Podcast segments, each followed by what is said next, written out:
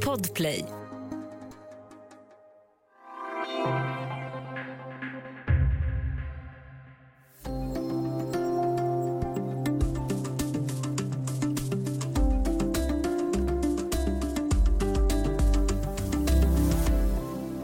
Polismannen Derek Chauvin fälldes på alla åtalspunkter i rättegången om mordet på George Floyd. Samtidigt är hans död bara ett fall av många. Domen är anmärkningsvärd och en stor seger för Black Lives Matter-rörelsen. Andra varnar för att dra för stora växlar på detta. Välkommen till Studio DN. Jag heter Sanna Thorén Björling.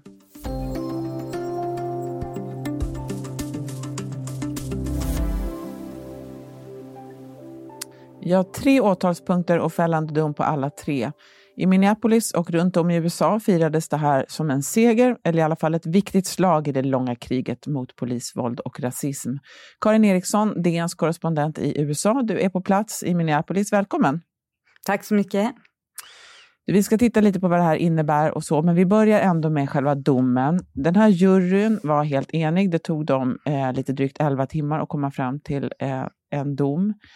Eh, var det så att den här filmen gjorde att det inte gick att komma runt vad som faktiskt hände med George Floyd? Eh, kan man fatt, sammanfatta det så, Karin? Man kan i alla fall börja där. Man kan säga att det var det åklagaren sa i sin slutplädering. Lita på vad ni har sett med era egna ögon. Lita på vad ni känner i, i, era hjärtan är sant. Det vill säga att gå tillbaka till den där filmen, gå tillbaka till vad hela världen såg för elva månader sedan och tro på det. Men sen får man ju också säga att det har ju kommit väldigt mycket mer bevisning under rättegången, inte minst andra filmer, inte minst polisens kroppskameror som visar det här från andra perspektiv. Vi vet ju idag att det inte var 8 minuter och 46 sekunder som Derek Chauvin satte knät mot George Floyds hals. Det var 9 minuter och 29 sekunder. Det är sånt som har framkommit när man har kunnat samla film och bevisning.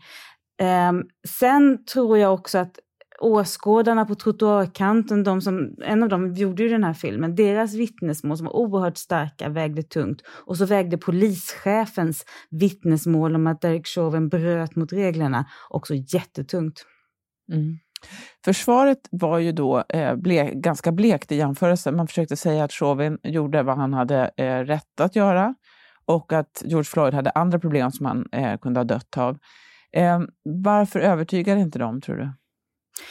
Eh, de hade ju ett oerhört svårt utgångsläge, som vi sa, alla har sett den här filmen. Eh, och det var inte, de hade ju inte experter som kunde, de, jag tror att de hade försökt, de skulle försöka visa eller i alla fall väcka rimliga tvivel om vad som egentligen var dödsorsaken och kalla någon medicinsk expert för det. Men det var så, åklagarna hade radat upp en sån lång rad av medicinska experter som samtliga på olika sätt, inte, de var inte helt överens om, om, om vad George Floyd dog av, men de var alla överens om att polisinsatsen ledde till hans död. Så det, det, det, allt det som försvaret hade tänkt bygga upp runt att drogerna eh, skulle ha spelat en stor roll, vi vet ju att, att George Floyd hade droger i kroppen, det föll totalt. Och kvar var då, ja, följde han reglerna eller inte? Även där hade åklagarna tung bevisning. Och sen det sista som försvaret försökte med då, det var att säga att de här åskådarna, de här förtvivlade ögonvittnena, de störde Derek Chauvin.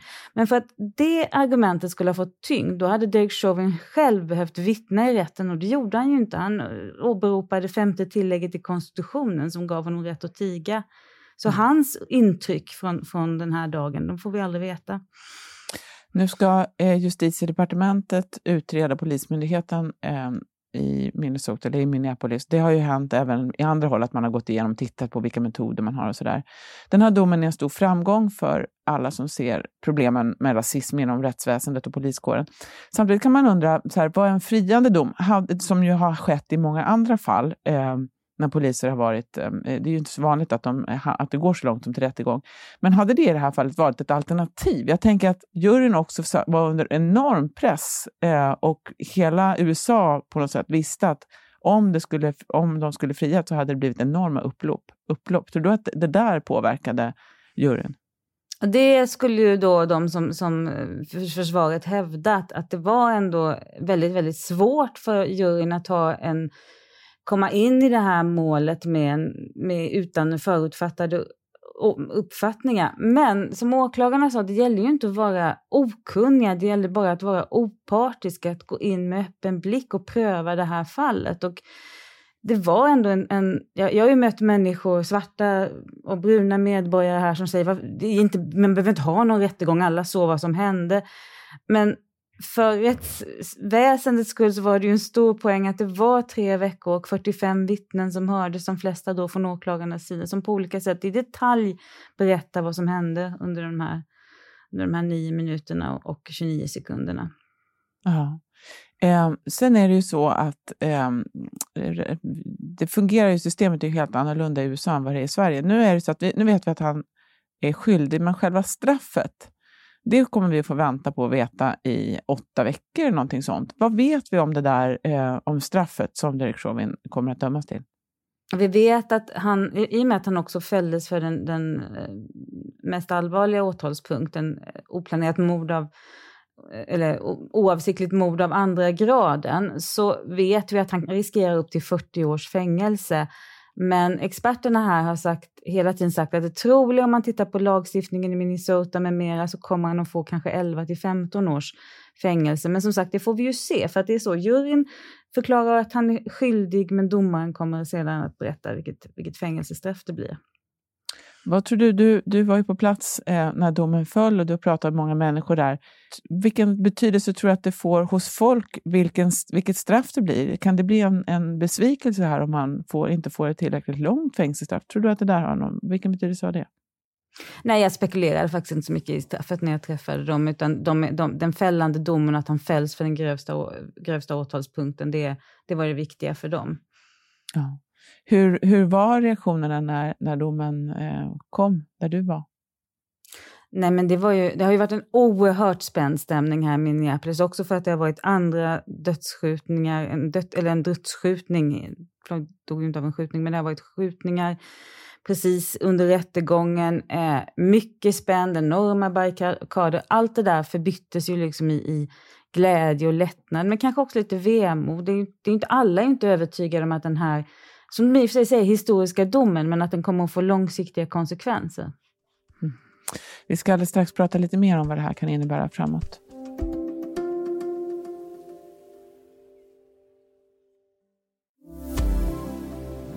It's been swelling up for over a year. And it's been a ball of confusion.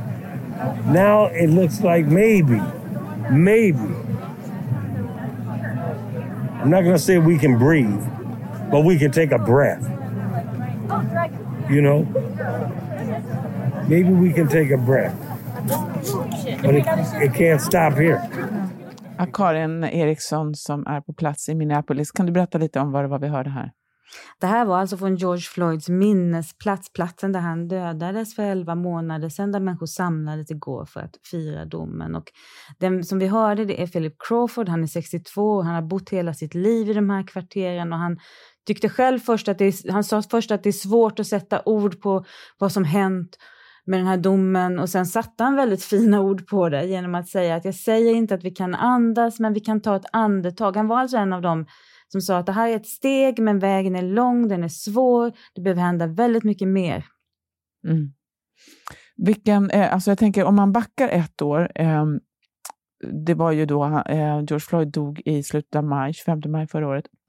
Vad kan man säga, vad har förändrats sedan dess, skulle du säga? Det har ju blivit en... Det, har, det, här, det som hände i Minneapolis har ju fått enorma konsekvenser. Eh, dels genom att, att frågorna om rasism och polisbrutalitet spelade en stor roll, eh, utlöste globala protester, jätteprotester i USA. De spelade roll i presidentvalet. Eh, där, där Trump och Biden förhöll sig på olika sätt. Det har också inneburit reformer i många delstater och Eh, storstäder. Man talar om att 140 olika lagar har klubbats i, i 30 delstater som innebär då att man ska inskränka polisens mandat och möjligheter att, att ta till övervåld. Och även demokraterna i kongressen i Washington har ju lagt ett, ett lagförslag som innebär en, en, en stora polisreform. Och det här lagförslaget det bär George Floyds namn. Men huruvida det kommer gå igenom eller inte, det vet vi inte. För nu ska ju det till senaten och senaten är ganska blockerad. Mm. Vi ska prata lite mer om det där alldeles strax. Jag tänker bara att eh, den här fällande domen, det är ju eh, eh de som är lite eh, eh, säger så att man ska inte ropa hej och så vidare. Det pekar ju ibland på att det här är ju bara ett fall och det är en dom. Men möjligen kan det vara lite grann att man ger en signal om att man faktiskt kan fälla någon, att det kan Eh, öka folks benägenhet att kanske anmäla eller att det kan ge en skjuts lite grann, tänker jag, som, även som metoo, att det kan bli lite, att det kan öppna eh, vägarna för fler fällande domar. Eh, det är ju väldigt svårt att eh, fälla poliser för tjänstefel. Eh, vad tror du om det där, möjligheten att få fler fall? Eh, ska man, hur, hur orolig ska man vara för att det här bara är en, en enda dom? Nej, men det, är, det är klart att många känner, känner oro, men de känner nog ännu mer glädje just nu, de som, de som vill se förändringar av systemet.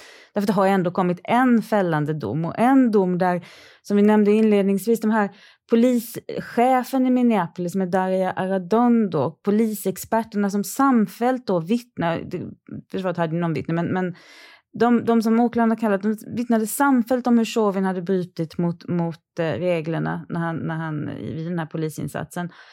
Det var ju ändå kanske framförallt det som var unikt med den här rättegången. Då finns det ju de som säger att nu har, nu har den här blå, blå muren eller blå väggens tystnad, den har brutits för gott det, där, det, det, får, det får vi ju se. Det, för samtidigt som, som de här cheferna och experterna på polisvåld bröt tystnaden så pekade de ju ut Derek Chauvin som extrem, verkligen ett enskilt rötägg. Och om han förblir ett enskilt rötägg, då behöver ju inte politiker och polismyndigheter ta tag i de bredare problemen med våld och diskriminering. Så det är mycket som är ovisst om, om konsekvenserna och jag vet att när, när eh, amerikanska medier har pratat med, med många experter så är de vaksamma och lite avvaktande och säger att vi, vi får väl se hur långt det här räcker men det visar i alla fall att det var möjligt. Man kan inte göra det Derek Chauvin gjorde utan att faktiskt fällas.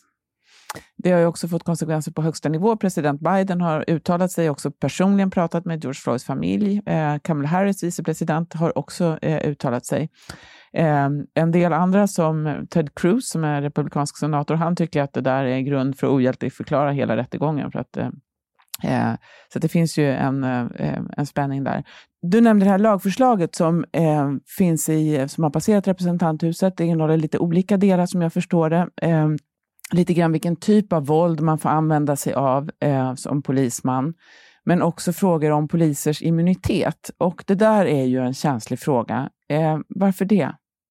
Nej, men det, väl, det handlar om att poliser inte ska kunna åtalas i civilrättsliga sammanhang om de har begått våld, att de, inte, att de är så att säga immuna. Och det vill, vill ju alla aktivister och alla medborgarrättskämpar få bort. De menar att det är ett, ett helt orimligt skydd. Just det, och det finns ju en bild ilska mot de här eh, eh, att det inte händer någonting mer. Eh, du lyssnade på Ilan Omar som är kongressledamot. Hon sa så här. So we have a slew of legislation that we've introduced on a federal level. Some bills that we've actually passed in the House that are currently sitting in the Senate that move this country forward. And I am tired about people talking about the filibuster. I'm tired about people talking about the narrow margins we have in the Senate. It is time for people to go beyond the press releases, to go beyond the press conferences, and to actually do the right thing in moving our country towards progress. Hon är jättearg, Karin. Berätta. Vad är ja, hon, var hon var jättearg. Det är klart att hon var upprörd. Hon står, hon står alltså vid vid platsen där en 20-årig svart man, Dante Wright, sköts till döds för förra söndagen i en trafikkontroll. Typiskt sånt här fall som, som Black Lives Matter-rörelsen pekar på. Och hon pratar ju då om alla som håller pressträffar och skickar ut pressmeddelanden och talar om Black Lives Matter och, och, rasism och rättvisa och jämlikhet. Och så lyfter de inte ett finger för att få det här att hända, säger hon. Och man hör, hon, hon säger dem they. Men man förstår ju att det här riktar sig inte bara till republikaner, det riktar sig till många av demokraterna, det riktar sig till Joe Biden när han, när han kallar till pressträff och berättar att det här är ett stort steg för USA. Så Karin, vad tror du nu? Vad kommer du hålla ögonen på? Vad ser vi framåt närmsta veckorna, månaderna? Nej, men jag tror att det, det är det som kommer att hända i kongressen kommer att bli väldigt viktigt. Det hänger ihop med så många frågor. Vi kommer att sitta i den här podden gång efter gång efter gång och landa i ett ja. Sen ligger det här förslaget nu i senaten och där finns det en filibust, en 200 år gammal röstningsregel som gör att eh, republikanerna kan stoppa vad som helst genom att prata hur länge som helst om vad som helst och därför vet man aldrig hur det går. Det här händer på punkt efter punkt om, om polisreformer, om migrationen, om väldigt många andra viktiga, viktiga lagförslag som Biden-administrationen lägger fram. Och det där tror jag kommer att, att, eh, att finnas med. Sen, sen, är det, men det, det, sen är det ju hela tiden verkligheten som kommer ikapp och går förbi med att det händer nya saker. Senast i natt då, så var det ju en, en flicka som sköts till döds av polisen i Ohio. Så att när, man känner ändå att nu var en, en glad dag för de som slåss mot rasism och polisbrutalitet. Men det kan snabbt bli frustration igen. Det låter lite grann som när man pratar om vapenlagar, eller hur? Mm, och ett annat, att ta ett annat exempel. Mm. mm. Stort tack för att du var med idag, Karin Eriksson i eh, USA. Tack. Imorgon handlar Studio DN om Mexikos president och vad som hände när DNs korrespondent i Sydamerika kuppade en presskonferens. Studio DN görs för Podplay av producent Sabina Marmelakai, exekutiv producent Augustin Erba, ljudtekniker Patrik Miesenberger och teknik Jonas Lindskog, Bauer Media. Jag heter Sanna Thorén Björling.